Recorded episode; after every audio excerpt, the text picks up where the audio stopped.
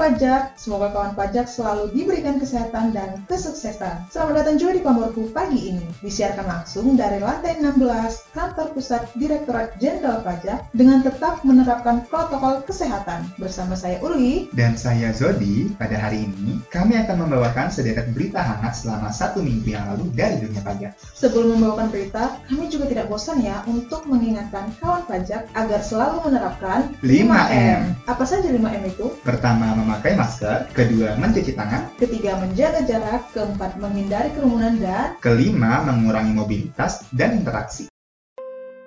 Baik kawan pajak, mengawali berita minggu ini, kami punya informasi terbaru mengenai insentif PPNBM mobil nih. Pemerintah telah mengesahkan peraturan terkait insentif PPNBM mobil. Pemberian insentif tertuang dalam PMK nomor 20 tahun 2021 tentang PPNBM atas penyerahan kena pajak yang tergolong mewah berupa kendaraan bermotor tertentu tahun anggaran 2021. Sebanyak 21 mobil baru menikmati insentif pengurangan PPNBM 100% sejak 1 Maret 2021. Wah, mantap nih. Akhirnya yang ditunggu-tunggu keluar juga ya. Kawan pajak yang ingin memanfaatkan insentif ini sudah bisa dinikmati mulai bulan Maret ini sampai dengan akhir Desember loh. Nah, selain insentif PPNBM, pemerintah juga mengeluarkan insentif lain di sektor properti loh. Oh iya, insentif apa lagi nih? Kalau banyak insentif, rasanya yang belanjain uang ada deh. Nah, kalau memang ada uangnya, nggak apa-apa loh dibelanjain aja, karena tujuannya kan memang untuk menggerakkan perekonomian. Pemerintah menetapkan pembebasan PPN bagi rumah tapak dan rumah susun atau apartemen dengan harga kurang dari 2 miliar rupiah. Kalau harganya antara 2 miliar sampai 5 miliar, PPN hanya diberlakukan 50%. Wah, sampai kapan nih? Jadi pengen cepat-cepat beli rumah deh. Kebijakan ini berlaku selama 6 bulan, mulai Maret sampai Agustus 2021. Nah, insentif PPN ini disambut gembira oleh pihak properti, apalagi bisa melengkapi kebijakan DP 0% untuk kredit kepemilikan kendaraan dan rumah yang dikeluarkan BI bulan lalu. Meski dengan catatan ya, insentif PPN ini hanya untuk stok siap huni. Ngomong-ngomong, apa saja sih pertimbangan pemerintah untuk memberikan insentif sektor properti ini? Menko Bidang Perekonomian Airlangga Hartarto menyampaikan selama 20 tahun terakhir kontribusi sektor properti terhadap PDB terus meningkat. Namun, dari sisi pertumbuhan, sektor ini justru mengalami penurunan yang signifikan. Pada 2020, penjualan turun minus 21%, bahkan rumah besar turun sampai minus 37%. Wah, cukup tajam ya penurunannya. Iya. Kalau insentif ini nanti banyak diminati masyarakat, sebenarnya juga akan berpengaruh ya ke industri lain yang berkaitan dengan properti. Benar banget sih, Airlangga Hartanto juga menyampaikan, sektor ini bahkan punya multiplier effect ke 174 industri lain seperti baja, semen, cat, mebel, alat rumah tangga, dan sebagainya. Selain itu juga terdapat 305 industri kecil terkait misalnya furniture, kasur, toiletries, dan lain sebagainya. Oh, jadi seperti itu. Dari satu kebijakan, tapi pengaruhnya seluas itu ya? Benar, tiap kebijakan itu pasti banyak pertimbangannya.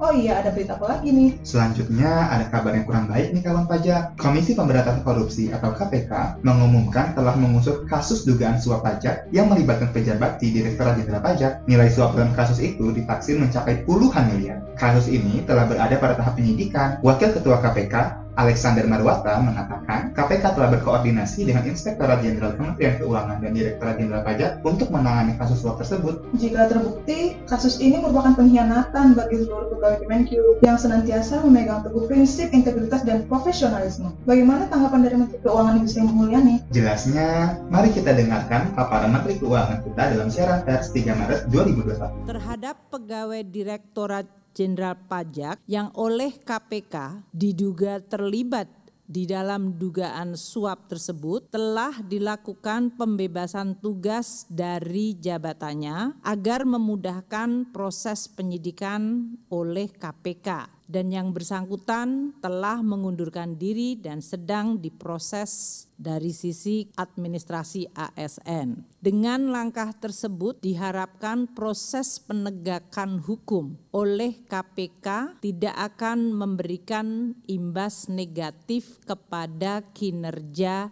dari organisasi Direktorat Jenderal Pajak. Apabila dugaan tersebut terbukti, ini merupakan suatu pengkhianatan bagi upaya seluruh jajaran Direktorat Jenderal Pajak dan Kementerian Keuangan yang tengah terus berfokus untuk melakukan pengumpulan penerimaan negara.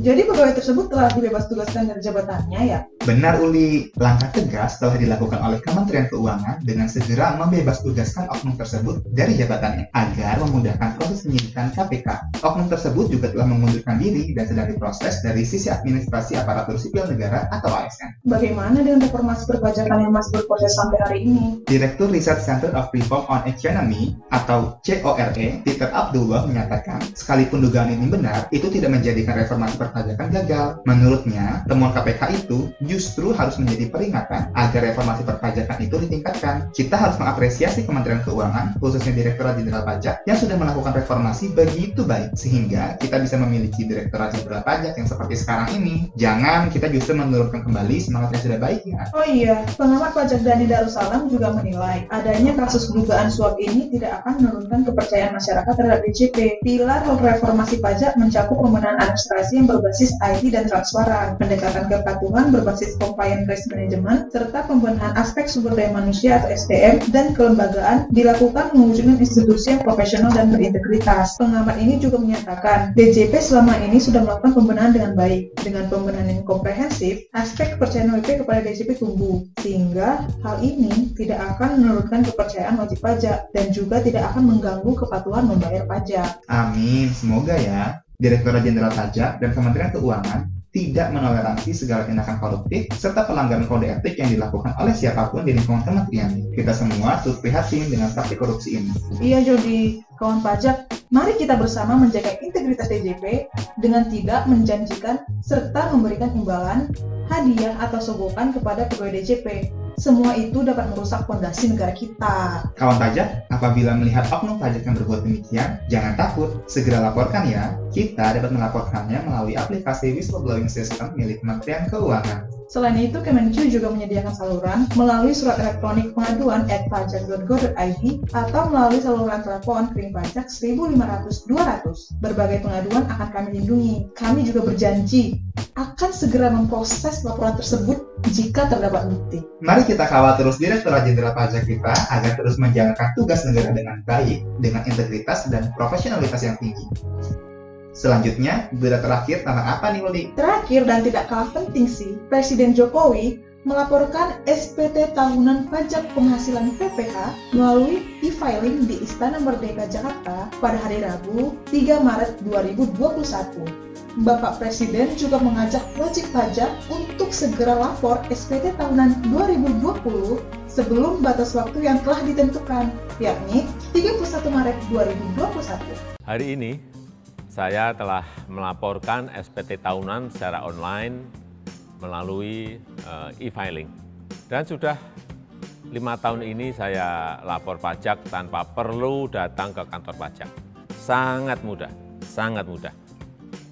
Saya mengajak semua wajib pajak untuk segera melaporkan SPT tahunannya dan pajak yang kita bayarkan sangat diperlukan untuk mendukung program pemulihan ekonomi, meningkatkan daya beli masyarakat, dan pemulihan kesehatan seperti vaksinasi dan perlindungan sosial di masa pandemi ini. So, tunggu apa lagi kawan pajak? Presiden aja udah lapor. Kamu kapan? Yuk lapor pajak hari ini karena lebih awal, lebih, lebih nyaman. nyaman.